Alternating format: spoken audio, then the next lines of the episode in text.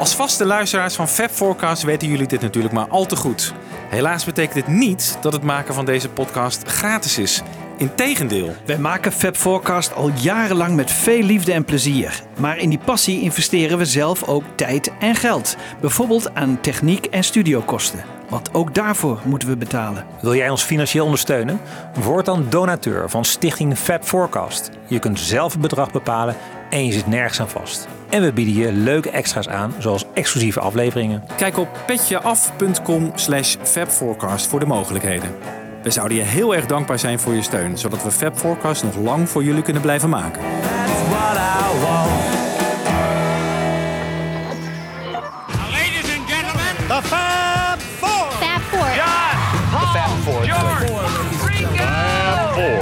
Fab Four. We have for you the Fab Four. Fab Forecast. I think it was a two-way love affair, Motown and the Beatles.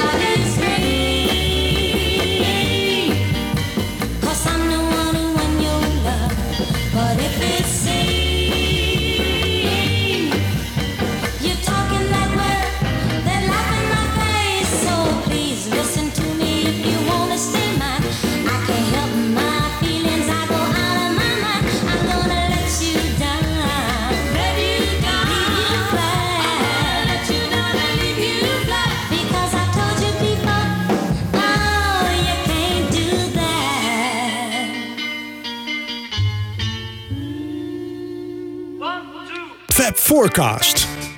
Zo is dat even een lekkere cover zeg van de Supremes. You Can't Do That. Van hun plaat A Bit of Liverpool. Ik ben Michiel Tjet van mijn beste luisteraars. En ik zit hier op een hotelkamer in Oostende met Wibo en Anne? Anne Heukamp is er ook. Jan Kees is er niet. Nee. Ehm, we zijn hier namelijk met een heel speciale reden. Namelijk dat wij met z'n drieën de podcast De Laatste Dagen van Marvin Gaye aan het maken zijn. Alweer de derde in de reeks van De Laatste Dagen van. Jullie hebben natuurlijk allemaal geluisterd naar eh, de serie over John Lennon en daarna die van Freddie Mercury. En nu was Marvin Gaye aan de beurt. Ja. Ja, en waarom hier in Oostende? Ehm dat heeft ermee te maken dat hij hier eh, een jaar en acht maanden heeft gewoond. Overgehaald om hier te komen door Freddy Koesaert, een, eh, een Belgische mannetje van alles. Die hem hier naartoe haalde toen hij in een wat moeilijkere periode in zijn leven in Londen zat. En eh, we hebben hier een soort trip rond Oostende gedaan om alle plekken waar Marvin spoor heeft nagelaten eh, te gaan bezoeken. Met mensen te spreken die hem misschien nog uit die tijd kenden. Maar dat was een beetje moeilijk. Maar we hebben heel veel materiaal voor een mooie podcast. En hoop dat jullie allemaal gaan beluisteren vanaf 8 november. Dan eh, gaan we van start. Ja. En we kunnen exclusief voor eh Fab Forecast alvast even de trailer laten horen. Zullen we dat doen? Laten we dat doen.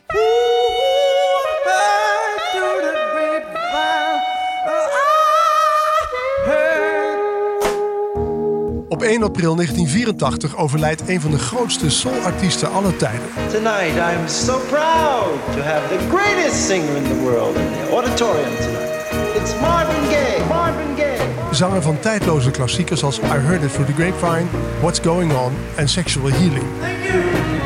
Marvin heeft net een succesvolle comeback gemaakt als hij één dag voor zijn 45ste verjaardag wordt doodgeschoten door zijn eigen vader. My father has always taught us he brought us in this world, he can take us out. Father, Father, we don't need to escalate. Gay died at this Los Angeles hospital, a gunshot wound to the chest. His father, Marvin Gaye Sr., was booked on suspicion of murder in order to undergo psychiatric tests. De moord maakt een eind aan het bijzondere leven van de zanger dat gekenmerkt wordt door hoge toppen This year's Grammy Award goes to Sexual Healing by Marvin Gaye. en diepe dalen. afraid I'm much too emotional to be an artist, really. Hoe zag het einde van zijn leven eruit? Whoa, mercy, mercy me. En wat maakt Marvin Gaye tot een van de meest eigenzinnige artiesten van zijn tijd?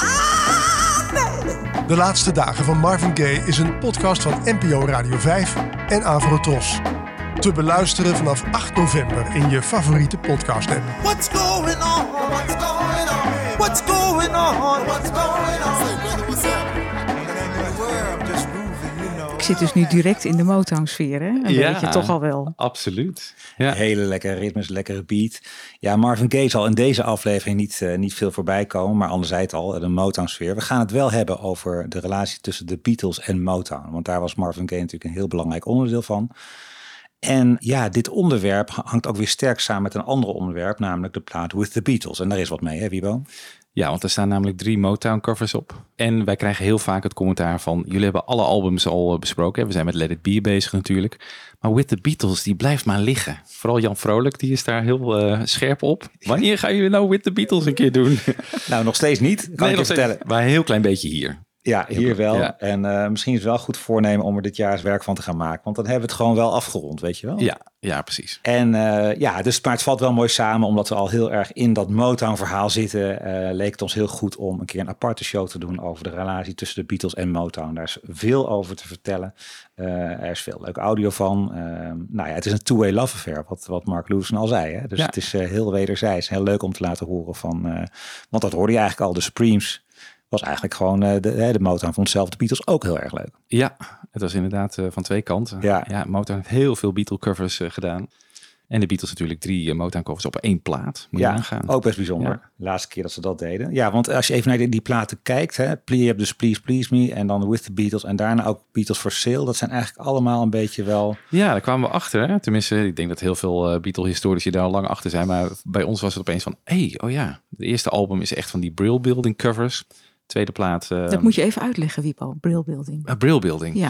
Ja, dat is eh, New York. Hè? Dat is eigenlijk een soort ehm, ja, eh, hitschrijffabriek in New York. eh, waar Goffin King bijvoorbeeld eh, bij betrokken waren. Bacharach en David. Ja, en het tweede album dan heel erg eh, Motown gericht. En Beatles for Sale is dan heel erg een beetje country. Ja. Achtig. Waar we trouwens ook nog een keer een show over gaan doen. Die ligt al klaar. Ja. En die moeten we nog een keer opnemen. Ja.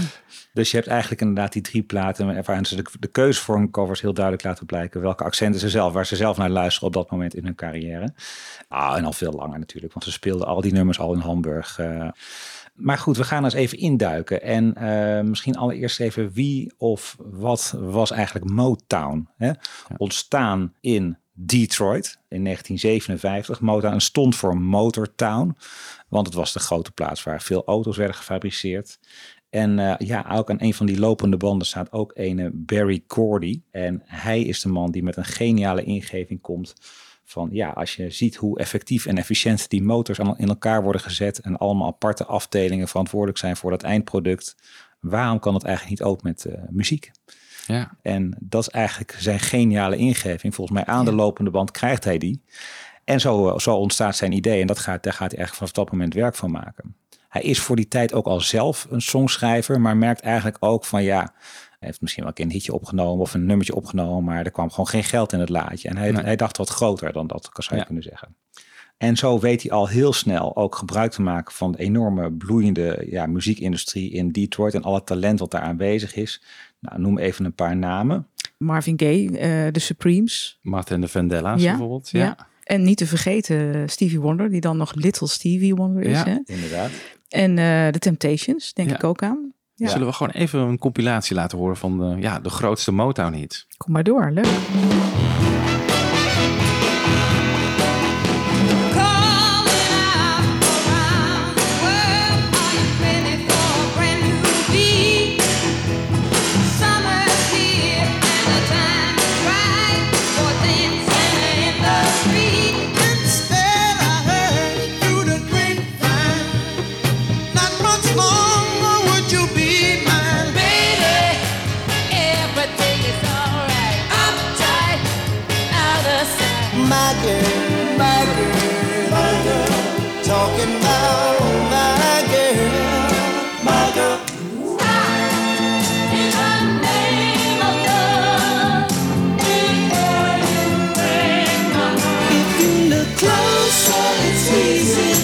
Trace the tracks of my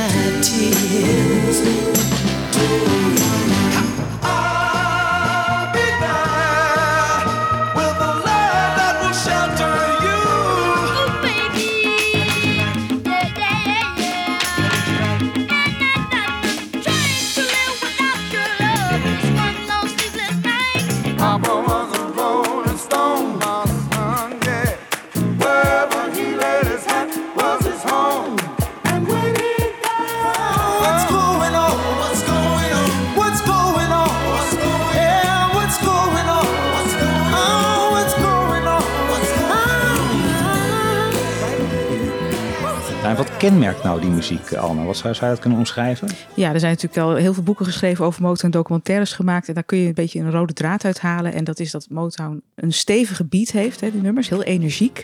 Het gaat veel over jongens, meisjes, eh, perikelen. Ja, en dat gebeurt ook allemaal. Het komt ook allemaal op op het moment dat de positie van de zwarte bevolking in de VS heel sterk onder druk staat. Hè? Ja, ja. Dus, ehm, en ja, er zijn nog wel wat, eh, ja, wat dingen erover te zeggen, wat kenmerken te, benoemen. Eh, de liedjes worden altijd geschreven in de tegenwoordige tijd. En Ja, ja, is ja dat is leuk als je dat dan weet. Hè? Dan ga je, Ja, daar, ja. ga je daarop letten. En eh, ja, alle liedjes eh, moeten natuurlijk een aantrekkelijk eh, haakje hebben, een hoek hebben, hè? een herkenningsding. Maar nooit te veel, niet overdrijven daarmee. Dus precies de goede balans daarin. Ja. En heel belangrijk, eh, de liedjes moeten een melodie hebben die je gewoon heel makkelijk en als, als vanzelfsprekend mee kunt neurien of zingen. Ja. Eigenlijk waar McCartney natuurlijk zelf ook heel sterk in is. Hè? En eh, ze mo- moeten een beetje in de verte herinneren aan iets wat al lekker eh, overkomt of wat je misschien wel kunt kennen, zonder dat het natuurlijk eh, plagiaat is. Ah, ja. En wat ook meespeelt is eh, dat het idee achter een liedje een beetje originaliteit moet hebben. Dus het moet ook wel een beetje vernieuwend zijn in hoe je, hoe je de lyrics eh, zingt, het ritme dat dat daarin zit. Dus het moet ook wel weer de oren doen spitsen. En heel belangrijk, de zanger staat in dienst van het liedje. Dus het liedje is eigenlijk, sta- staat centraal. hè? Hmm. Daar draait het om. Dus eigenlijk zou iedere zanger het moeten kunnen zingen. Het gaat om het liedje. Ja. Maar toch zoeken ze daar bij Motown wel de, de, de juiste zanger erbij of zo. Waarvan zij denken, nou, die zou het het best Ja. kunnen doen. Dat klopt, maar ze waren helemaal niet eh, terughoudend om heel veel verschillende artiesten met één nummer aan de haal te laten gaan. Hè? Nee. Dat zie je bijvoorbeeld ook aan I Heard It Through the Grapevine. Eh, dat gaan we ook in de podcast nog bespreken. Ja. Eerst een versie van Gladys Knight, of misschien eerst Marvin en daarna Gladys, wil ik even van af zijn. Maar in elk geval gebeurt het heel vaak dat ze, nou, ga, ga er maar mee aan de slag. Ook verschillende artiesten en dan gaan ze zelf wel kijken wie er de grootste hit mee kan scoren. Ja, Daar zit ook dat hele planmatige achter. hè? Enorm. Ja, Ja. Het is echt een eh, organisatie, hè, Motown, die zich vooral richt op die singles. En niet zozeer op albums, waar de Beatles op een gegeven moment natuurlijk wel heel erg eh, toe gaan. Hoe zien die albums er eigenlijk uit van Motown? Is dat eigenlijk gewoon een band of een zanger heeft een hit... en daaromheen wordt er gewoon een album verzonnen met allemaal filmmateriaal, fillermateriaal? Nou, er staat mij een quote van Keith Richards bij waarin hij inderdaad zoiets zegt. Van het, was, Ja. eh, het ging echt vooral om die singles en je kreeg daaromheen, ja, kreeg je wat meer vulling van albums. Ja. Er zijn ook niet zoveel heel legendarische Motown albums die je zou kunnen bedenken. Nee, nee, behalve later natuurlijk. Later, ja. What's going on? Precies, Ja. dus dan begint dat. Maar dan hebben zij echt alweer tien jaar later. Ja. We hebben het nu echt over die beginperiode, In de jaren waarin 60 dat niet zo is. Nee. kan ik dat. Nee. Veel geniale singles, maar niet echt eh, heel in het oog springende albums. eh, Nee. nee. nee, je zegt inderdaad geniale singles en dat zijn het eigenlijk ook qua succes. Hè? Want het is echt gigantisch. We hebben het even opgezocht. Tussen 1960 en 1969 brengt Motown dus 535 singles uit. En daarvan worden 357 een hit. En maar liefst 110 worden nummer 1 hit. Ja. Dus als je dat even uitrekent, hebben ze gewoon elke maand een nummer één hit. Gedurende tien jaar. Dat hele idee van Barry Gordy, dat, dat werkte gewoon. Dat Ja. werkt. Ja. ja. Ongelooflijk. Ja, en misschien kunnen we even iets meer over zeggen. Hè? Van inderdaad, Motown is dus eh, eh, is een platenlabel allereerst, maar is dus ook het hele concept van hoe gaan we al die nummer 1 hits schrijven en alle afdelingen die daarbij horen. Nou, dat begint natuurlijk uiteindelijk, er moet een liedje zijn, dus het moet geschreven worden. En dat, daarvoor had ze een aantal bekende schrijvers en songschrijvers duo's. Mhm. Nou, Holland Dozier Holland is een bekend voorbeeld. Norman Whitfield, Smokey Robinson en Ashford en Simpson. En normaal gesproken was ook volgens mij de regel van we zorgen niet voor overlap. Dus iedereen doet zijn eigen ding. Je hebt de songschrijvers, je hebt de uitvoerders, je hebt eh, althans de zangers. Dan heb je de band die er altijd eh, verantwoordelijk is. Dan had je nog een aparte afdeling die verantwoordelijk was voor de optredens, hè, voor de choreografie op het podium. Had je ook weer een afdeling voor. En ook wel grappig, de afdeling Quality Control. En wat was dat? Ja, dan was eigenlijk een eh, afdeling die dan alle eh, opgenomen nummers ging beoordelen of ze wel geschikt waren om uitgebracht te worden. Dat was gewoon eigenlijk een soort keuringsdienst. Ja, de keuringsdienst van waren. Ja. ja. En, en daar moest je maar doorheen komen als Ja. artiest. Hè? Dus dan had je iets gemaakt eh, en dan was jouw eigen gut feeling dat het wel iets was, was gewoon niet genoeg. Nee, er kwam nog even een aparte afdeling overheen. Zo is What's Going On natuurlijk echt tien keer door de quality control gegaan. Omdat eh, ja, niemand, inclusief Barry Gordy, het allemaal niet zagen zitten in dat Hoorde nummer. het niet. Nee, Ja. wel heel opmerkelijk. Hè? Ja. Maar dat had ook, eh, ja, rond die tijd is, er- ging het niet meer om het nummer, maar meer om de maatschappelijke thematiek wat het wilde aanraken. Ook, ja. Waar Motown eigenlijk toen nog niet aan, Er speelde heel veel, toe was. Toen. speelde, Ja. Precies, ja. Ja, heel- ja. Het poplandschap verandert dan al heel erg. En er is ook zo'n huisband toch bij Motown? Hoe, hoe zit dat, Ja, Anne? ja, de Funk Brothers, hè? ook Ja. legendarisch. En er zit onder andere ook die James Jameson, hè? De, de bassist in, eh, waar Paul McCartney ook eh, nou ja, enorm fan van is en was en geïnspireerd door was. Dus ehm, ja, dat is echt een ontzettend goede band met mensen uit de scene daar die ja, bijna volgens mij op al die Motown-nummers te horen zijn. Hè? Ja, zeker jaren 60 Ja. zijn ze allemaal te horen daar. Het is volgens mij wel een groepje van misschien een muzikant of tien of zo. Ja, je hebt Ja. wel een soort vaste clan, maar eh, James Jameson, zeker op bas, is iemand die op heel veel nummers te horen is. Ja. En Gordy heeft ze dus uit de Detroit eh, live scene gehaald. Hè? Heel veel jazzartiesten geloof ik ook. Die Ja. daar gewoon dan spelen en zeggen, nou, eh, jullie moeten bij mij komen opnemen. Ja. En het wordt dan de huisband. Ja, dus dat vind ik ook weer zo geniaal. Dat je niet, hij moest het echt gaan formeren. Eh, Ja. Bij de Beatles was het in die zin toch wel anders. Die zijn al een beetje self-made man rond die tijd. Ja. Behalve hè, Pete Best moest nog even aan de kant. Maar daarna heb je gewoon wel een collectief waarmee Ja. je aan de slag kon. Ja, en uit vriendschap ontstaan en niet bij elkaar geplukt Nee. door een ho- Nee. van hoger hand, zeg maar. Nee, het is wat dat betreft wel Ja. heel eh, totaal anders dan bij Motown. Want eh, de Beatles waren eigenlijk alles in één. Behal- ja, behalve misschien George Martin natuurlijk bij. Mhm. En Brian Epstein was wel nodig. Maar daarna rolt het gewoon. En bij Motown was het veel meer ja, bedacht. En dat werkt heel goed. Maar dat kon ook, en dat, dat bespreken we natuurlijk ook in onze podcast over Marvin Gaye, ook heel beperkend werken. Want het betekende juist dat je, ja, misschien je artistieke vrijheid, daar was gewoon Nee. geen ruimte voor. Nee. Want je was een uitvoerder van andermans liedjes. Ja. Je was een concept eigenlijk Ja. met elkaar. Ja. Ja, klopt. Ja. Je liedjes werden ook niet voor je geschreven. Ja, Marvin Gaye heeft af en toe wel de nummers geschreven. Maar meestal werd het dus hè, door die schrijversduo's, Ja. wat jij zei. Of eh, ja, gewoon een schrijfafdeling. Ja. En heel vaak wist die huisband ook niet voor welke artiesten het nummer inspeelde. Dan Nee. speelden ze het gewoon in. En dan, eh, ja, voor wie doen we dit eigenlijk? Ja, Geen idee. Geen idee. Ook wel bijzonder hoor. Ja, ja. Ja, of zelfs van de vraag van, speel je op dit nummer? Eh, En dan konden ze het als, ja, waarschijnlijk wel. Maar dat is natuurlijk allemaal zo, dat de hebben ze hand, zoveel ja. gedaan. Ja, ja. Ja. Maar ik heb toch wel, als je nou het over Barry Gordy hebt, ik moet wel heel erg aan, aan Brian Epstein ook denken dan. Die twee komen ook later nog wel in contact, daar gaan we het ook wel over hebben. Maar dat visionaire, dat, Ja. dat zien van, we hebben hier iets nieuws, iets vernieuwends en dat gaan bouwen en daar de randvoorwaarden voor scheppen. Ja. En het dan heel groot maken, daar is toch wel een hele duidelijke overeenkomst tussen die twee. Vind je niet? Zeer zeker. Daarom is het ook zo grappig hè, dat ze later nog, wat je zegt, eh, met, op een bijzondere Ja. manier met elkaar in contact komen. Ja. Ja.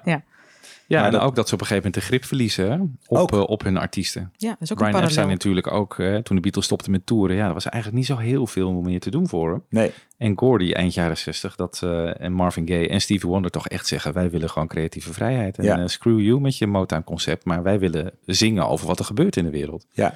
Dus er zat ook een houdbaarheidsdatum aan. aan Ja. Dat soort eh, visionaire Ja. stappen, zeg maar. ja, Van Brian zullen we dan niet weten of het inderdaad echt zo is... omdat hij Nee. natuurlijk overleed. Nee.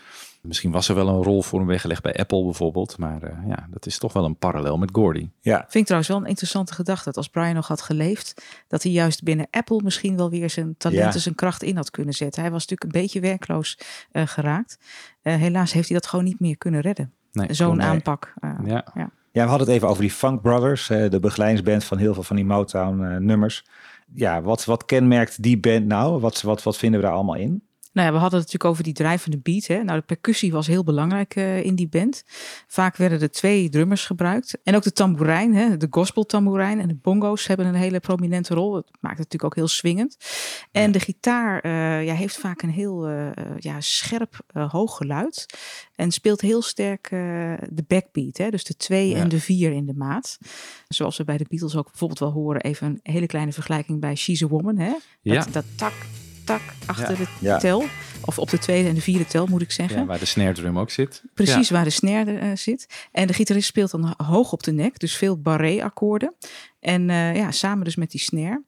En ja, de bas, we noemden het al even, heeft een hele melodische aanpak. Eh, klinkt funky, maar er is veel ruimte voor melodieën op de bas. Nou, en als je kijkt naar hoe die liedjes dan zelf werden gespeeld, hè, gewoon qua arrangementen, dan bevatten ze veel, ja, weet je, toch wel innovatieve, jazzy-achtige akkoorden. En Ja. hele melodische eh, wendingen in akkoorden. Dus dat ging ook wel een stukje verder dan de, de reguliere liggingen, zeg maar. En, eh, en keuzes en overgangen in akkoorden.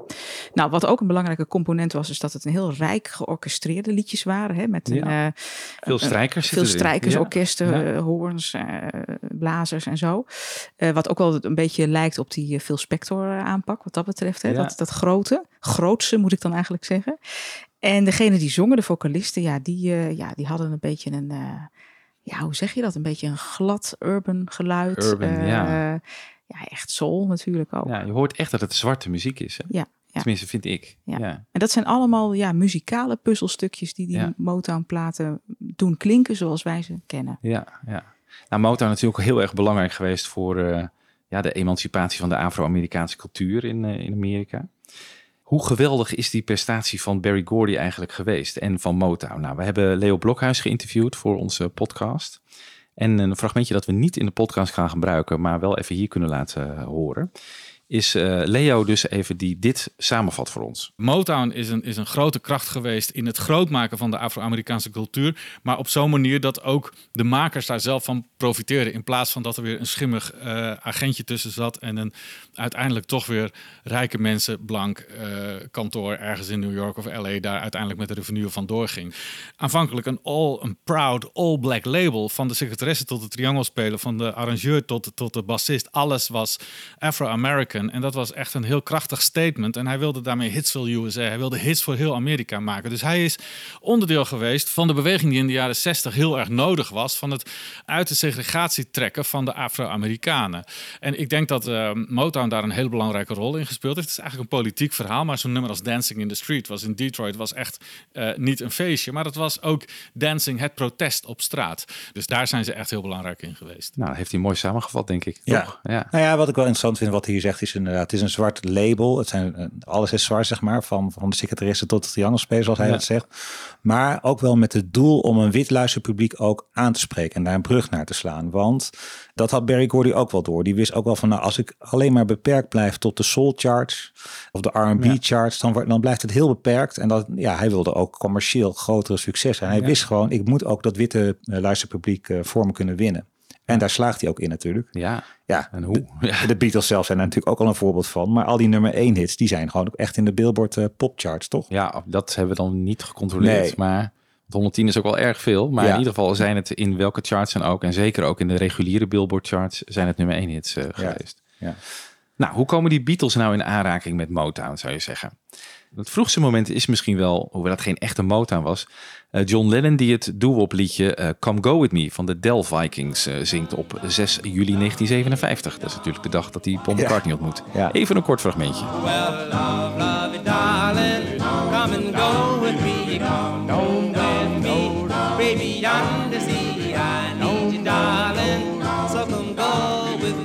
Ja, en wat is die relatie met Motown en doo-wop? Eigenlijk zou je doo-wop als een soort voorloper ervan kunnen beschou- Ja. beschouwen. Hè? Ja, bijvoorbeeld Marvin Gaye zat in doo-wop groepjes eh, hè, vanaf de zomer van 1957 ook. En toen besloot hij gewoon het muzikale pad op te gaan. Ja. Diezelfde zomer dus, dat John Lennon en Paul McCartney elkaar ontmoeten. Ja. Dus daar zit wel een soort parallel. Ja.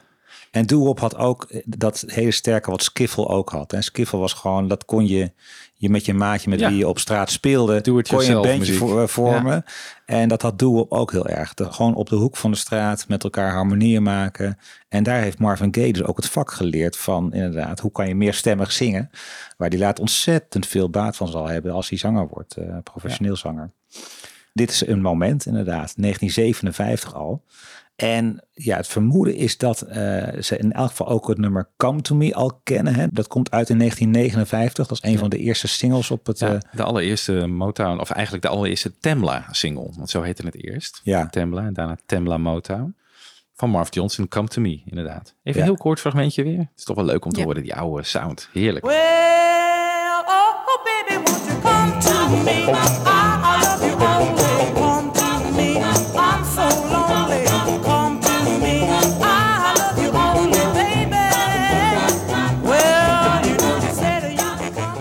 Engeland hebben ze dit singeltje dus waarschijnlijk eh, gehoord. Het werd toen in die tijd nog niet als eh, Temla of Motown uitgebracht. hè. Dat is pas in 1965 dat je ook echt singeltjes eh, buiten Amerika kunt krijgen met de stempel Motown erop.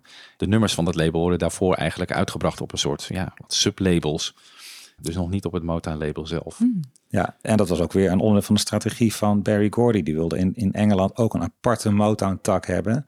Om daar ook weer, eh, hè, zoals de Beatles Amerika hadden veroverd, wilde hij Engeland gaan veroveren. Ja, ja. inderdaad. En daar ook liet hij daar ook eh, heel veel Motown acts optreden. Maar de Beatles spelen zelf in Hamburg ook al veel Motown, hè? Ja, Please Mr. Postman bijvoorbeeld van de Marvelettes. Miracles, ze waren helemaal gek van Smokey eh, Robinson. Who's Loving You bijvoorbeeld. Money van Barrett Strong. Ja. Ja, want Ringo zegt het in het Anthology boek trouwens wel. eh, When I joined the Beatles, we didn't really know each other. But if you looked at each of our record collections, the four of us had virtually the same records. We all had the miracles. We all had Barrett Strong and people like that. And I suppose that helped us gel as musicians, as a group. Dat is mooi, hè? Dat, Ja. dat ze allemaal zo'n dezelfde Ja. eh, blueprint hebben of zo. Het is Ja. uit hetzelfde Dus hoekje hun, komen. Ja. dus in hun plaatcollectie zit gewoon al veel Motown. Al, bij alle vier, zonder dat ze het van elkaar weten blijkbaar. Ja, en je noemde net al het nummer Money. Dat spelen ze dus al in Hamburg. Staat ook op With the Beatles. Eh, is een nummer dat geschreven is door Barry Gordy. Zit, het is wel een co-write geloof ik. Maar in Ja. elk geval een van de vroege composities van Barry Gordy. En het is wel een grappig verhaal wat hij daarover vertelt in zijn eigen biografie. Die heet eh, How Sweet It Is, geloof ik. Het gaat over, eh, nou, wel een heel fascinerend boek dat we voor de podcast hebben gelezen. Waarin hij helemaal dat, eh, dat wordingsproces van Motown doorloopt. En daar ook zegt van ja, ik was eh, op straat aan het lopen met iemand en die vroeg van, eh, en ik zei van ja, ik ben met een nummer bezig aan het schrijven. En toen vroeg die persoon van nou, waar, gaat het dan over? Nou, goede vragen. Ja, eh, nou ja, over liefde. Nee, nee, toevallig gaat dit over iets heel anders wat me heel erg bezighoudt, namelijk geld. en eh, want in die vroege dagen van Motown was er gewoon geen geld. Hè. Nee. Dat was natuurlijk ook wel het doel van, van Barry. Hij wilde gewoon geld verdienen. Hij wilde gewoon Motown heel erg groot maken. En zo kom je dus aan die geniale tekst van Money. Die eigenlijk gaat over van ja, you- hey, you're loving, uh, give me a thrill, but it don't pay my bill. Het is eigenlijk een beetje spiegelbeeld van Can't Buy Me Love. Ja. Eh, En hij stelt, geld is helemaal centraal. En, en toen vroeg die gesprekspartner wel van, eh, is dat niet een beetje hebberig? Komt dat niet heel stom over, dat je alleen maar geld wil? En dat vond hij wel weer het risico waard. Hij dacht van, nou, het is gewoon een leuk concept.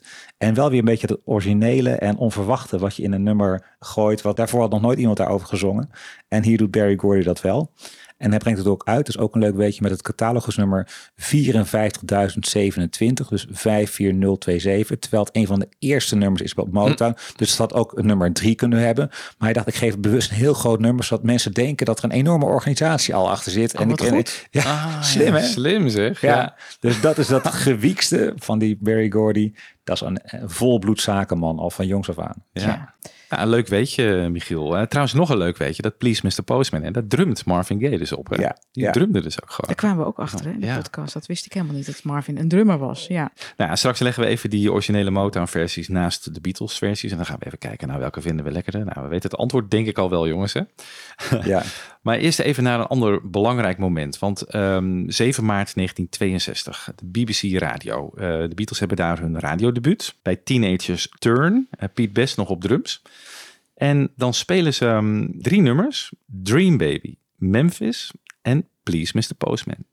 En die laatste, dat is wel heel erg bijzonder, want het is de allereerste keer dat er een Motown liedje wordt gespeeld op de BBC. Dat is daarvoor dus nog nooit Hey. gebeurd. Dus ja, de Beatles hebben daar waarschijnlijk in die tijd gewoon helemaal niet bij stilgestaan. Dat Nee. dat de allereerste keer was, natuurlijk niet. Maar toch baanbrekend, Ja, achteraf baanbrekend. bezien. Hè? Ja, dus ze hebben Motown eigenlijk voor het Engelse publiek gewoon ja, de sluizen geopend. Dat is goed. Eigenlijk. Dat is Ja. goed. Laten we even naar die eh, Please Mr. Postman versie luisteren van de BBC. Op 7 maart 1962 dus. The Beatles with John Lennon take the stage once more for their offering of the record, which is doing so much at present for the Marvelettes. Here now as they cry, please, Mr. Postman.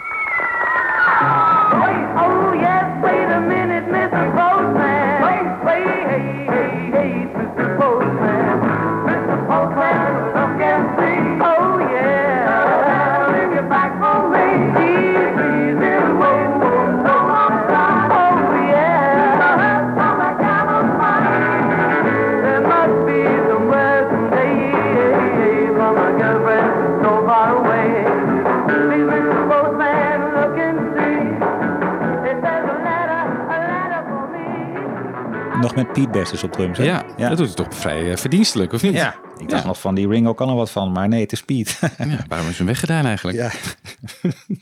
nou goed. En ze spelen tijdens die sessie ook al de eerste Lennon en McCartney original, eh, Ask Me Why. Dus Ja. eh, ook voor het eerst dat dat op de Britse radio Ja, dat wordt dan ook opgenomen, maar dan even later eh, uitgezonden door de BBC. Maar dat is Ja. van dezelfde dag inderdaad. Ja. ja. Waarom zou nou die Motown zo'n indruk hebben gemaakt op de Beatles? Kunnen we daar eens even over filosoferen? Ja, nou ja, Anne noemde het al, die beat natuurlijk. Ik denk dat dat ze heel erg aansprak. Gewoon de energie die erin zit. Ja, een beetje die call and response, hè, wat je vaak hoort. Zeg maar het koortje wat een soort eh, antwoord is op de leadzang. Ja. Dat doen de Beatles natuurlijk later ook heel veel. Dat is ook een heel aantrekkelijke manier inderdaad. Om het levendig te Ja, maken. zeker. Ja. En de melodieën, denk ik, hè? echt eh, gewoon het liedje. Het liedje is gewoon, staat centraal. Ja. Dat is bij de Beatles ook zo. Ja, en zeker Ja. als je natuurlijk zelf zo muzikaal was als de Beatles waren in die tijd al als eh, jonge jongens, dan herken je feilloos denk ik een goede compositie, goede samenzang. Eh, ze hadden denk ik gewoon op hun manier een neus voor kwaliteit. Ja. En die kwaliteit bood Motown. Ja. En ik denk dat het ook echt in de opwinding zit. Het is gewoon opwindend Ja, en snel en er zit een beat achter. En het is natuurlijk een totaal ander geluid dan het croonersgeluid van, eh, Ja. van grootheden als Sinatra. Of, eh, En wat het live natuurlijk ook goed deed, hè? Ja. Met, eh, met het publiek erbij. Ja, zoals de, de rock and roll hen greep, zo greep Motown hen Ja. ook Ook in nog. het vervolg daarop, Ja, denk ik. denk Ja. ik ook. Ja. Ja, en ik hoor Motown trouwens ook wel terug in bijvoorbeeld nummers als This Boy of ehm je noemde al even Ask Me Why, eh, All I've Gotta Do van het With the Beatles album. Ja, dat ook, ook dat hele mooie, een beetje die Smokey Robinson-achtige sfeer. ja, dat was trouwens ook wel een belangrijke figuur in Motown. Hè? Smokey Robinson was ook een belangrijke rechterhand voor Barry Gordy. Iemand die op, voor heel Ja. veel zakelijke adviezen ook terugviel. En iemand die ook heel veel kon. Niet alleen maar heel goed kon zingen, maar ook hele goede nummers schreef. Zeker. Hij was eigenlijk een beetje de tweede man, toch? Informeel de tweede man binnen Motown. Ja, iemand die Brian dus niet had. Hè? Iemand die, die Nee. op terug kon vallen voor zakelijke adviezen. En die ook een enorme creatieveling was. Shop Around, een van de eerste singles van het Motown label. Ook van eh, een van de eerste grote successen van Motown. Ook een nummer van eh The Miracles. Ja. Nou goed, laten we even naar die eerste twee platen van de Beatles kijken. We hadden het er net al even over. Er staan heel veel covers op van zwarte muziek. Please Please Me dus eigenlijk een beetje de Brill Building plaat. Mhm. With the Beatles duidelijk, dus de Motown plaat. Want wat staat erop? Dat zijn You've Really Got a Hold on Me, Money en Please Mr. Postman. En in Amerika stonden die drie nummers trouwens op eh, de Beatles second album. Dus ja, daar zijn er iets van 4 miljoen van verkocht. nagaan. Dus dat, eh, Maar dus niet op Meet the Beatles. Nee, niet op Meet the Beatles. Staan ze nog niet. Hmm. Ach, nee. Nou, ik zei het net al even. Laten we even die eh, originele en de coverversies van de Beatles naast elkaar leggen. We beginnen maar met eh, You Really Got a Hold of Me, denk ik.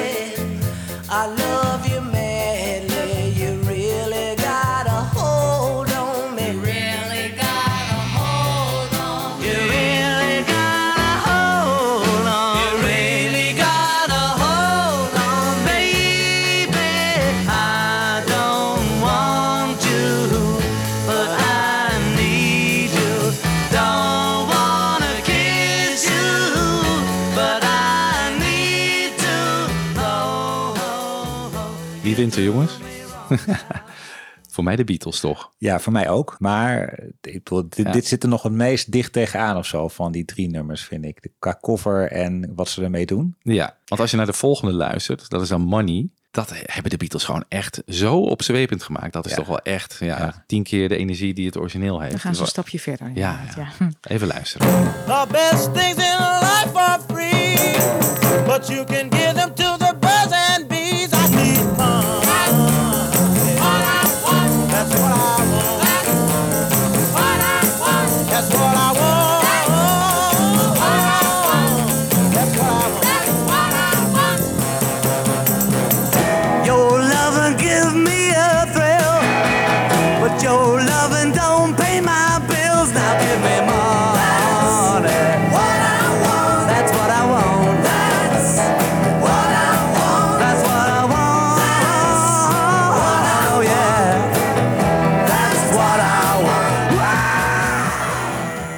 echt daarvan de originele Motown-versie van Barrett Strong is, is al gewoon een heel goed nummer. Dat hoor je ook. Bij de Beatles veel meer energie zit erin. En Lennon en zijn stem, joh, wat hij ermee doet. Hij gaat Urgentie, schreeuwen. Urgentie noemen ze dat Ja, tegenwoordig. ja. Meer urgentie. Ja. Eigenlijk de twist and shout van With the Beatles, toch? Ja, hij- maar je hoort Barrett Strong niet schreeuwen. En Lennon gaat helemaal los. Ja. Dat is eh, ook aan het eind, joh, werkelijk. eh, ja, dit is een landslide victory voor de Beatles, ben ik bang. Ja, zeker. En please, Mr. Postman.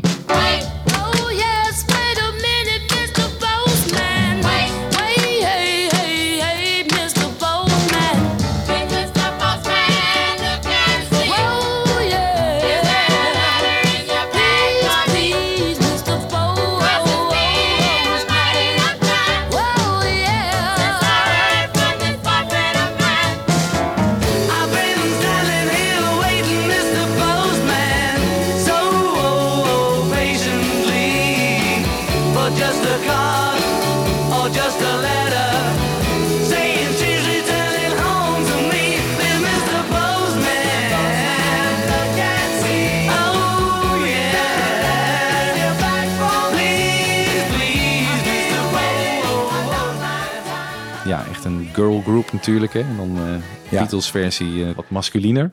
Ja, maar hier gaan ze dus wel, hebben ze het over girlfriend. eh, hebben de Marvelettes het over boyfriend. Ja. Terwijl ze bij boys gaan ze dus niet girls van maken. Nee, dan houden ze dat gewoon in, Ja. in stand. Ja. Maar dan gaat het dus ook gewoon echt om de klank van het woord. Ja. Talk about girls. Ja, het kan wel, maar het, het klinkt wat... nee, boys Ja. is beter. Dat zegt McCartney dan toch ook. Het is gewoon een cool song. En wat maakt het nou Ja. uit dat het over boys gaat? Ja. Terwijl het hier best raar zou zijn als ze het ook over boyfriend zouden hebben. Dat, eh, Ja. toch, eh, Ja. Dus dat is een makkelijk aangepast. Ja. Nou, misschien heeft ze ook wel heel veel fans bij... eh, Uit de gay community. Uit de gay community Of de opgeleverd. Marvin gay community. Dat kan natuurlijk ook. Ja, precies. En Smokey Robinson, we hadden het er al even over, die You Really Got a Hold on Me. Daar was hij ontzettend trots op, hè, dat de Beatles dat hadden gecoverd. We laten even Smokey aan het woord daarover. I first heard You Really Got a Hold on Me by the Beatles because they sent us an album to Motown. Because they had actually recorded several Motown songs on that same album. Please, Mr. Postman, some other stuff, you know. And boy, of course, I was flabbergasted. I was flattered. I, I love the fact that, see, when people record my songs, man, for me as a songwriter, that's a dream come true. You know how it is. I mean, when, when somebody records one of your songs, because especially the Beatles, man, they were songwriters themselves. And, uh, you know, there are millions and millions of songs for people to choose from. They choose one of mine, I love it. You know, Seth, they were the first white act of any stature that I ever saw in my life who came out and said, hey, man, we grew up listening to black music and we love it. And we got a lot of our feeling from black music. No white act had ever said that before, you know, come out in the public or in the press and said anything like that. Here come the Beatles and they say, hey, man, yeah, you know, we grew up listening to this black music. We love this. Motown. So, you know, what greater endorsement can you get?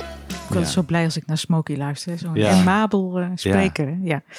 Maar wat hij hier zegt is wel heel belangrijk. Hè? De Beatles hebben het nooit onder stoelen of banken gestoken. Waar ze de mosterd vandaan hebben gehaald.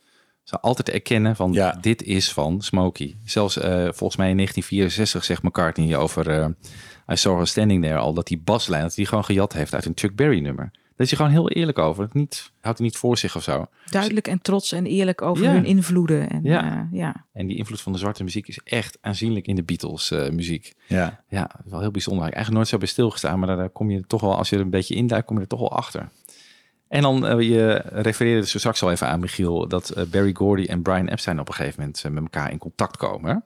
Dat gaat natuurlijk over die drie covers op With the Beatles, want daar moet iets voor geregeld worden. Ja, eh, Barry Gordy die zegt van 2% per song is standaard. Waar was een standaard tarief voor het eh, uitlenen van liedjes aan anderen. Maar Epstein die bood Barry Gordy anderhalf procent.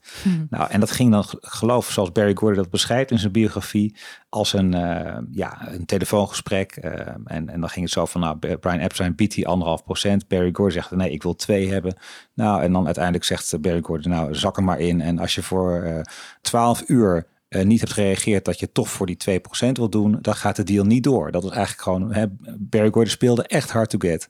En dan zegt hij ook, en dan beschrijft hij dat heel mooi in zijn boek. Hij zegt van, toen ben ik als een gek gaan bellen met iedereen. Wat moet ik doen? Wat moet ik doen? Wat moet ik doen? Want de Beatles willen wel mijn nummer coveren, maar tegen een lager dan de standaard tarief. En sommigen zeiden dan van, nou, daar moet je vooral op ingaan. Het gaat om, om miljoenen platen, dus dat gaat je sowieso ontzettend veel opleveren. En anderen zeiden van, nee hoor, je moet je eigenlijk gewoon je poot stijf houden en er echt niet in meegaan. Nou, eh, uiteindelijk, hij hield zijn poot stijf, zo schrijft hij in het boek, tot twee minuten voor twaalf. Toen is hij toch met, Barry, met Brian Epstein gaan bellen. En zei hij van, eh, ik doe het toch wel voor die anderhalf procent. Maar later bleek, toch? Ja. Ja, diezelfde dag nog kwam je erachter dat alles al was opgenomen. Hè, al die nummers, gemixt, gemasterd en al geperst. Alles lag al klaar. Het lag allemaal al klaar. Oh, ongelooflijk. Dus het zou nooit meer op deze Nee. discussie hangen of het door zou gaan of niet. Bizar, hè? De Beatles zaten al in de tiende versnelling. En eh, Ja. het overleg leek aan zijn formaliteit. eh, En het ging dan om dat second album, hè, toen de Beatles dus, eh, al Meet the Beatles hadden uitgebracht Ja. en het al een gigantisch succes was. Dus Gordy heeft daar natuurlijk ook wel gezien van ja, het is zo populair, we moeten gewoon op die, eh, op die wagen gaan springen. Ja. En eh, ik vond een fragmentje van Mark Lewison die even het belang vertelt voor Motown dat de Beatles drie van hun nummers coverden. This was a phenomenal fillip to Berry Gordy at the Motown record label because suddenly they were in the spotlight secondhand. The biggest act of all are saying, We like this stuff. And so everyone's looking or listening to that stuff now. And also financially, Berry Gordy didn't only have Motown, Tamla, Motown Records, he had Joe Beat Music, which was the publishing arm. So the Motown organization would get like three tenths of the publishing on those early Beatles albums in America.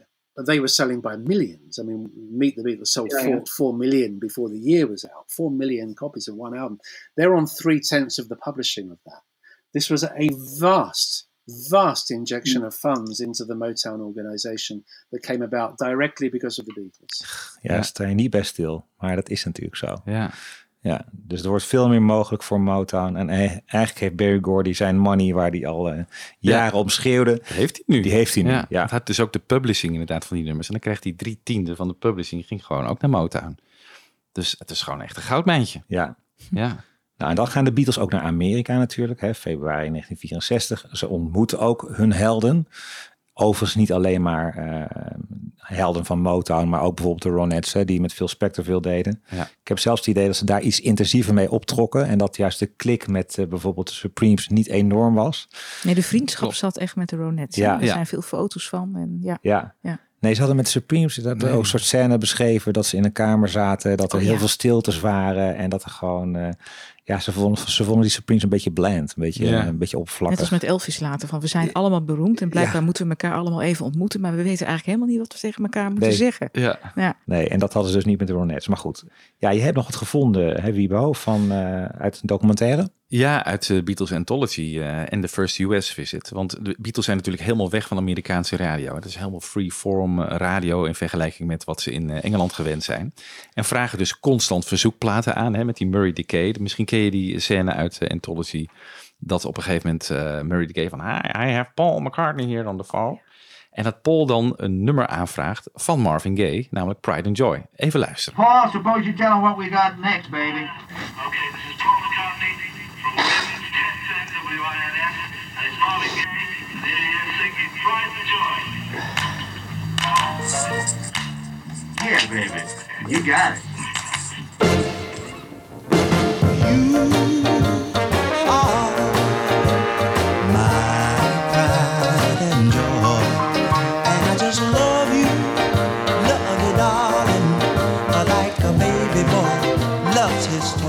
Nou ja, ze krijgen op een gegeven moment ook een klik met Mary Wells. Wie was dat ook alweer, eh, Michiel? Was dat niet een van de duetpartners van eh, Marvin? Ja, inderdaad. En dat is ook iemand die uiteindelijk voor de Beatles gaat toeren in Engeland. Hè? Dus eh, gaat openen voor, voor de Beatles. Ja, ze noemen haar Our Sweetheart. Dat is heel mooi, ja. En zij was ook bij Motown vertrokken inmiddels vanwege een, eh, een financieel geschil. Ja. Maar goed, vond dus wel een beetje een, eh, een, een plek in de stal van de Beatles. Nou ja, in 64 veroveren de Beatles natuurlijk eh, Amerika vanaf februari en dan gaat het heel hard.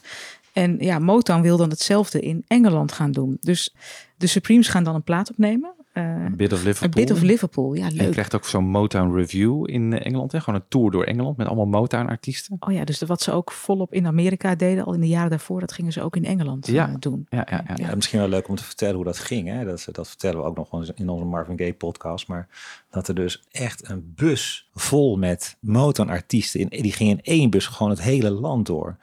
Hotels wilden zwarte artiesten vaak niet hebben. Nee, er zit ook een hele nare kant aan Ja. het verhaal. Hè? Ja. ja. Ja, en die, en die de Beatles ook wel, eh, waar ze ook oog voor hadden. Want de Beatles wilden ook niet voor gesegregeerde publiek optreden. Dat Nee. deden die motorartiesten net zo goed niet. Dus hadden ze ook een soort band. En dan zaten ze allemaal met z'n allen in die bus. Ze sliepen daar, ze aten daar.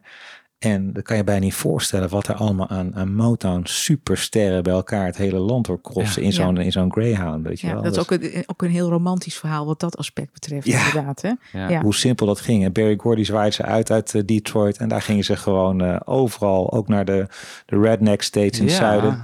En dat werd soms echt gevaarlijk, hè? Ja. Er werd gewoon echt geweld tegen ze gebruikt. Ja, hoe dat zit, dat, dat gaan we inderdaad in de Marvin Gaye Ja. podcast eh, uitgebreider vertellen. Ja. Maar er is ook een delegatie naar Engeland. En de Supremes die die plaat A Bit of Liverpool opnemen.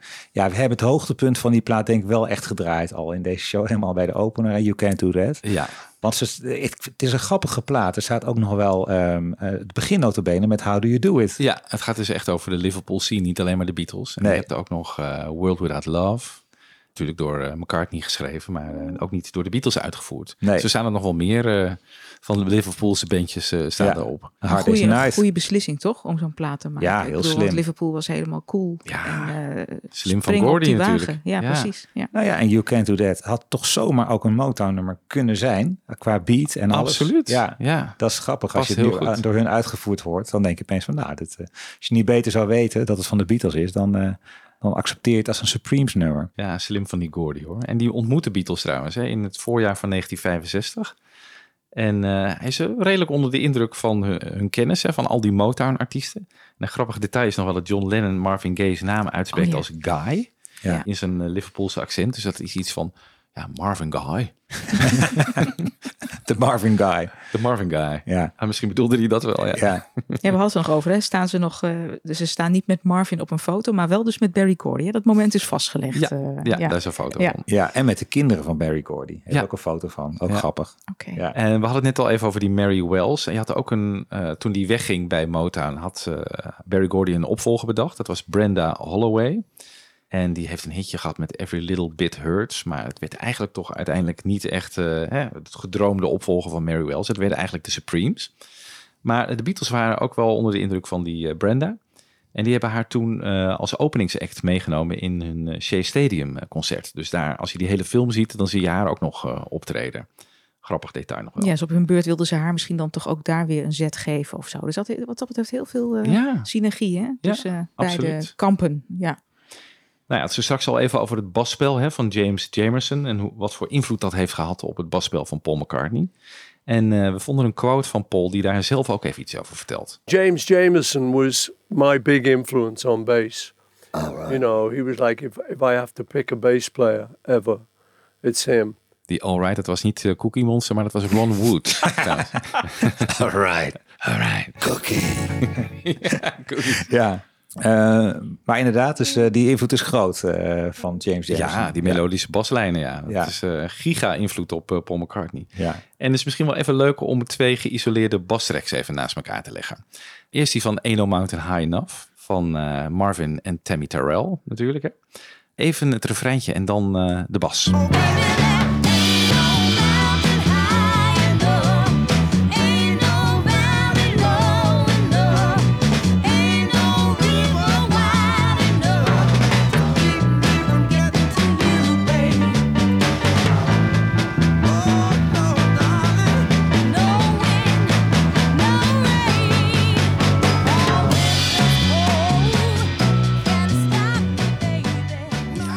Creatief. En je Oh. hoort ook op het laatste waar, waar die No Wind, No Rain, waar hij eigenlijk gewoon eh, op één toon zou kunnen blijven ondersteunen, dat hij zelfs in die accenten nog weer gaat variëren. Hè? Ja. Dus dat is zo creatief. Ja, en jij zei vanochtend aan het ontbijt van eh, bij het refrein is het juist zo mooi dat hij ook omhoog klimt in zijn bas. Hè? Ja, net als Ain't No Mountain. Ja, Ja, dat, dat je dus hij een ondersteunt, ja, hij ondersteunt de tekst. Dat is zo, zo knap. Dus, dat, Knap je, dat je zo creatief bent om dat te bedenken. Ja.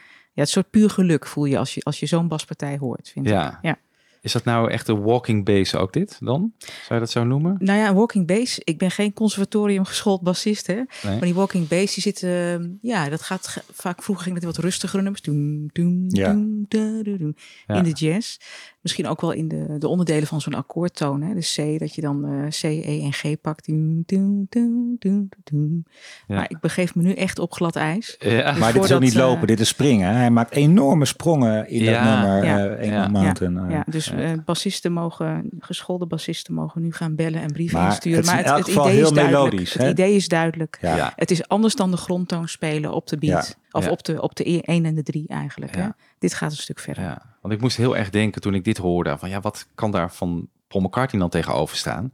Dacht ik meteen aan Penny Lane. Het is misschien een iets later, hè, dat is 67. En natuurlijk is het basspel daarvoor al bij McCartney al heel melodisch. Maar ik denk dat je dezelfde sfeer wel een beetje proeft in Penny Lane. Nu kunnen we die baspartij niet echt heel erg lekker isoleren. Maar ik heb wel een eh, cover gevonden op YouTube van iemand die exact de McCartney baslijn naspeelt. Dat is altijd fijn. En dan kun je het eh, gewoon heel goed horen.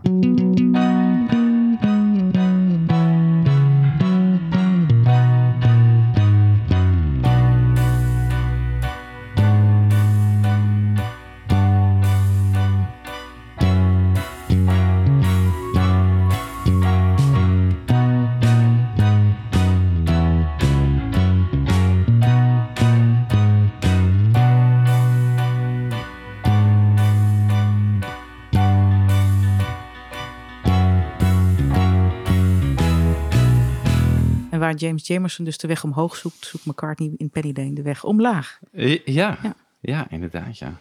Maar je hoort de invloed wel natuurlijk. Dat zijn allebei zulke melodische baspartijen. Ja. Die partijen kunnen eigenlijk gewoon los eh, bestaan. Zonder dat ze onderdeel Ja. van het nummer eh, zijn. Ja, daarom is het ook zo leuk om die clipjes te horen. En het is, hè, dan hoor je echt dat er gewoon een nummer in een nummer zit. Een hele submelodie waar je eigenlijk niet op let. Ja. Die zit er gewoon in. En wij kunnen nu heel mooi geïsoleerd horen. Maar dat kon McCartney natuurlijk niet in die tijd. Hè. Nee. Maar toch was die sound, die bassound zo prominent op die Motown platen. En dat was ook iets wat McCartney heel erg graag op de Beatles platen wilde. Ja. Die volle vette bassound. Ja. Waar die volgens mij ook toch een tikje ontevreden over was. Of dat echt lukte. Hè. Dus Ja. Althans zeker in de beginplaten. Ja, want ik heb gehoord dat er bij EMI vaak de vrees was hè, dat als er te veel bas in een plaat zou zitten, dat de naald dan gewoon van de plaat zou schieten. Dus daarom waren ze heel voorzichtig met het basgeluid op een plaat. Maar ja, waarom kon het bij Motown wel, weet je? Dus ze hebben dat heel lang lopen onderzoeken. En op een gegeven moment had je Jeff Emmerich natuurlijk, die vanaf Revolver de technicus bij de Beatles eh, werd. En samen met McCartney eh, ja, heeft hij eigenlijk geprobeerd om die vette bassound van Motown ook in Beatles platen te krijgen. Want ze wilden zelfs naar Stax gaan om daar op te nemen. Ja. Dat is ook op enig moment een plan geweest. Ja. Ja, Om, dan, dan in godsnaam maar naar Amerika. Gaan we daar wel naar de studio. ja in Memphis. Ja. Ja, en dan horen we daar wel, eh, leren we daar wel hoe het moet. Maar dat is dus uiteindelijk niet nodig, omdat Jeff Emmerich iets verzint. Ja, die verzint wat, want die denkt van, hmm, laten we eens eh, proberen om eh, geen microfoon te gebruiken bij de basversterker van Paul, maar een speaker. Dus een speaker kun je dan eh, ja, een beetje rewiren, geloof ik, en dan gewoon als microfoon inzetten. En dat doet hij dus voor het eerst op Paperback Writer. En dan hoor je echt die vette bassound. Even een fragmentje.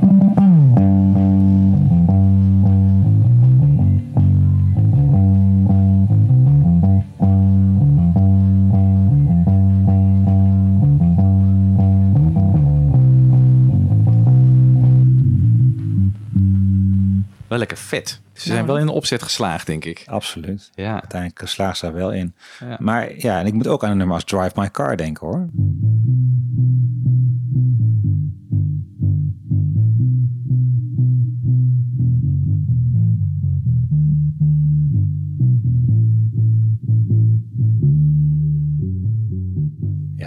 dat loopje, hè? dat eh, hele snelle loopje, dat hoor je echt. Eh, en verder natuurlijk die echte soul groove hoor. Dit, ja. is, echt, dit is pure soul, wat mij betreft. Ja.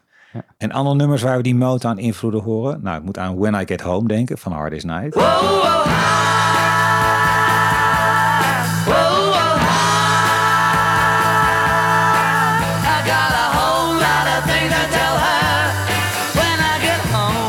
Ja, en van Revolver natuurlijk. Got to get you into my life.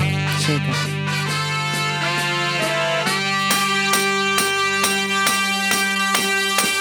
I was alone, I took a ride, I didn't know what I would find there. Another road where maybe I could see another kind of mind there. Ja, dat is heel erg soul, dit. Ja. En dat call and response waar we het al eerder over hadden. hè, Dat je veel in Motown hits hoort. Dat zit ook in sommige Beatles nummers. Ik denk bijvoorbeeld aan Help. Of You're Gonna Lose That Girl. You're gonna lose that girl. You're gonna lose that girl. You're gonna lose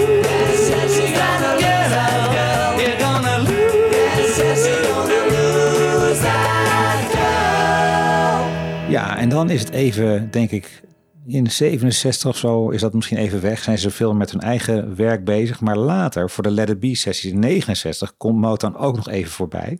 Spelen ze You Really Got a Hold on Me. Ja. Ik denk trouwens ook dat dat echt, want wat volgens mij George het dan zingt. Ja. George was erg van dat nummer en sowieso een enorm Smokey fan. Hè? Ja. En ze spelen ook Hitchhike, een oorspronkelijk nummer van Marvin Gaye. Intro vind ik altijd wel heel leuk. eh, is later ook gejat door de Velvet Underground op There She Goes Again. Maar hier gezongen door George Hitchhike.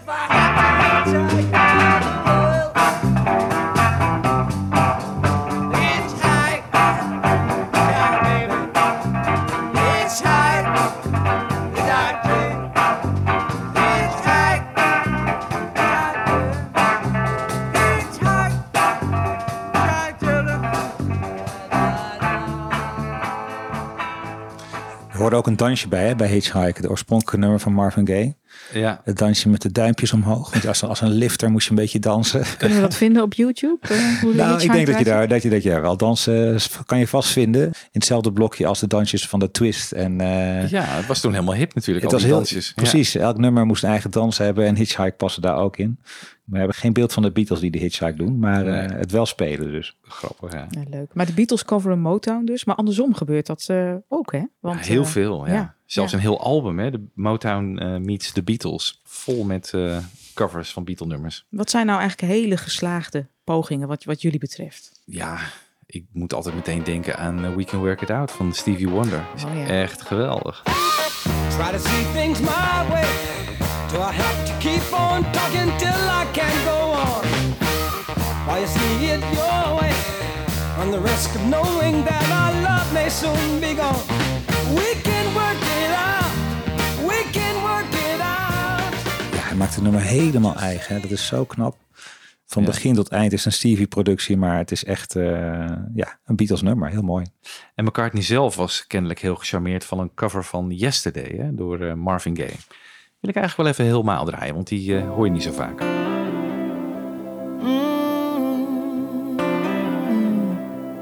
Oh, yesterday. Oh, my troubles seem so far away.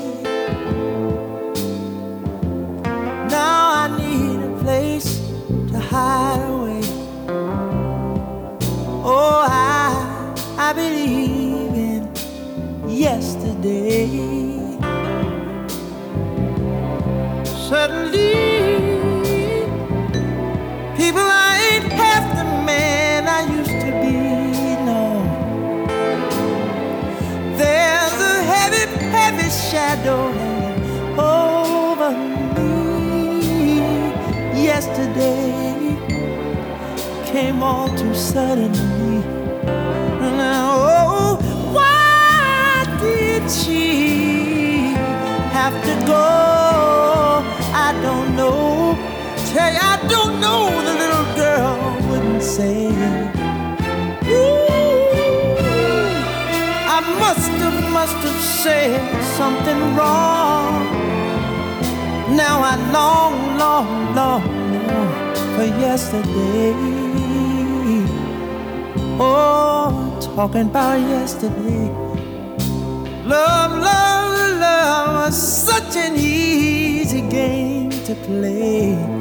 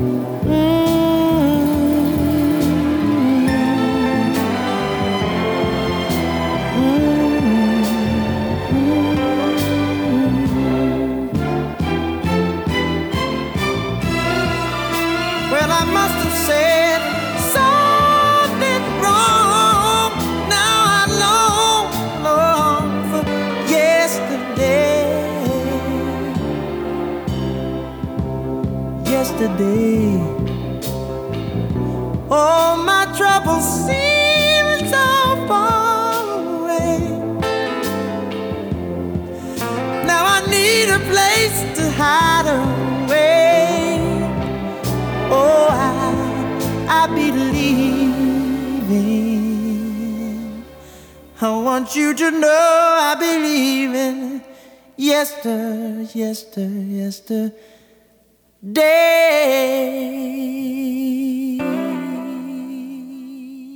Dat is toch fantastisch. Dat is echt Mooi, hè? prachtig. Wat een stem had die man. Gaat ook heel veel voorbij komen natuurlijk in de podcast die we over Marvin Gaye hebben gemaakt. Dus gaat dat luisteren. Alleen al om die stem van Marvin Gaye. Heel veel fragmenten komen er voorbij. Ja, dan moeten we eigenlijk even naar 1970 eh, gaan kijken, jongens. Want wat komt er in de soloperiode van Beatles nog aan Motown voorbij? We hadden het al even over die eh, voorliefde van George Harrison eh, voor eh, Smokey Robinson. Toch even snel nog terug naar 1968. Eh, in een outtake van While My Guitar Gently Weeps, die op de White Album box stond, probeert hij hem na te doen. I don't know how you are invited. Yeah. Hold it, Harry. So it's okay. I sang, uh, tried to do a Smokey, and I just aren't Smokey. Hij kent zijn beperkingen heel Ja, goed. ja. Ja. Maar ja, grootste eerbetoon van eh, George aan Smokey, die doet hij natuurlijk met het nummer Pure Smokey van het 33 and One Third album uit 1976.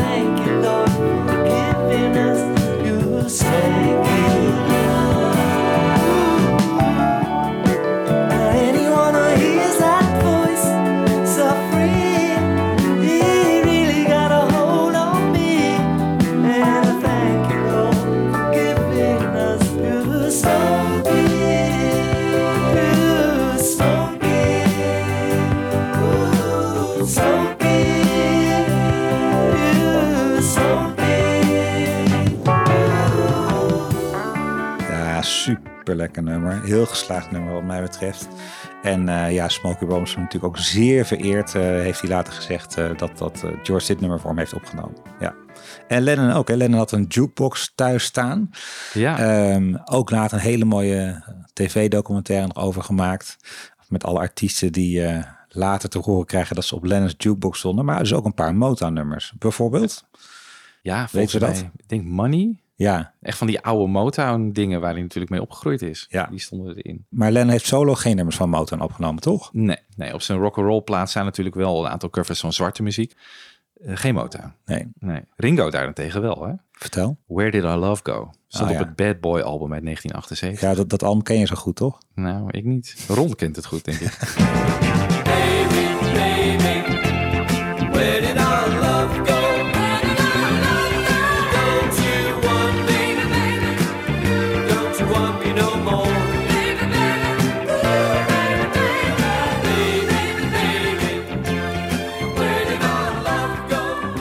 Je ervan, Michiel? Je kijkt een beetje moeilijk.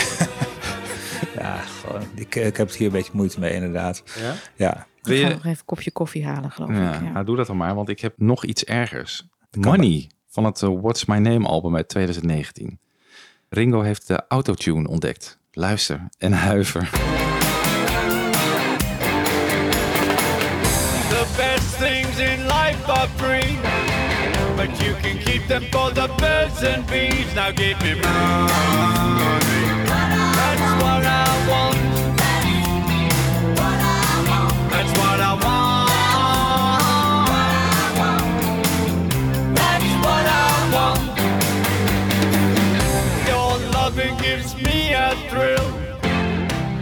Nee, maar je moet hier eigenlijk denk ik respect voor hebben. Want je zit Ja. nu echt te lachen, Wibo. Maar Ja. ja. want het was heel erg in, hè? Op een gegeven moment die autotune. Ja, Cher ja, maar- ging dat doen en Ja, zei, nee, ik maak een grapje, ik maak een grapje. Nee, nee, nee, weet ik wel. Maar dat is, dat is begin jaren negentig. En dit is toch al een stuk later, toch? 2019. Ik, ik vraag me echt Oh, af ja. van waarom zou je dit doen als je ook... hè, Het is, qua bereik kan hij er prima bij. Ja, het is niet nodig, denk Het ik. is niet nodig. Nee. En Hij vond is het gewoon leuk, leuk grapje. Leuk grapje, ja. Dat is eh, misschien... eh, Hij vindt het ook leuk om zijn voeten op Twitter te zetten, toch? ja, dat is eh, zijn tenen. Zijn tenen als hij weer Ja. gepedicuurd is. Ja, heel leuk.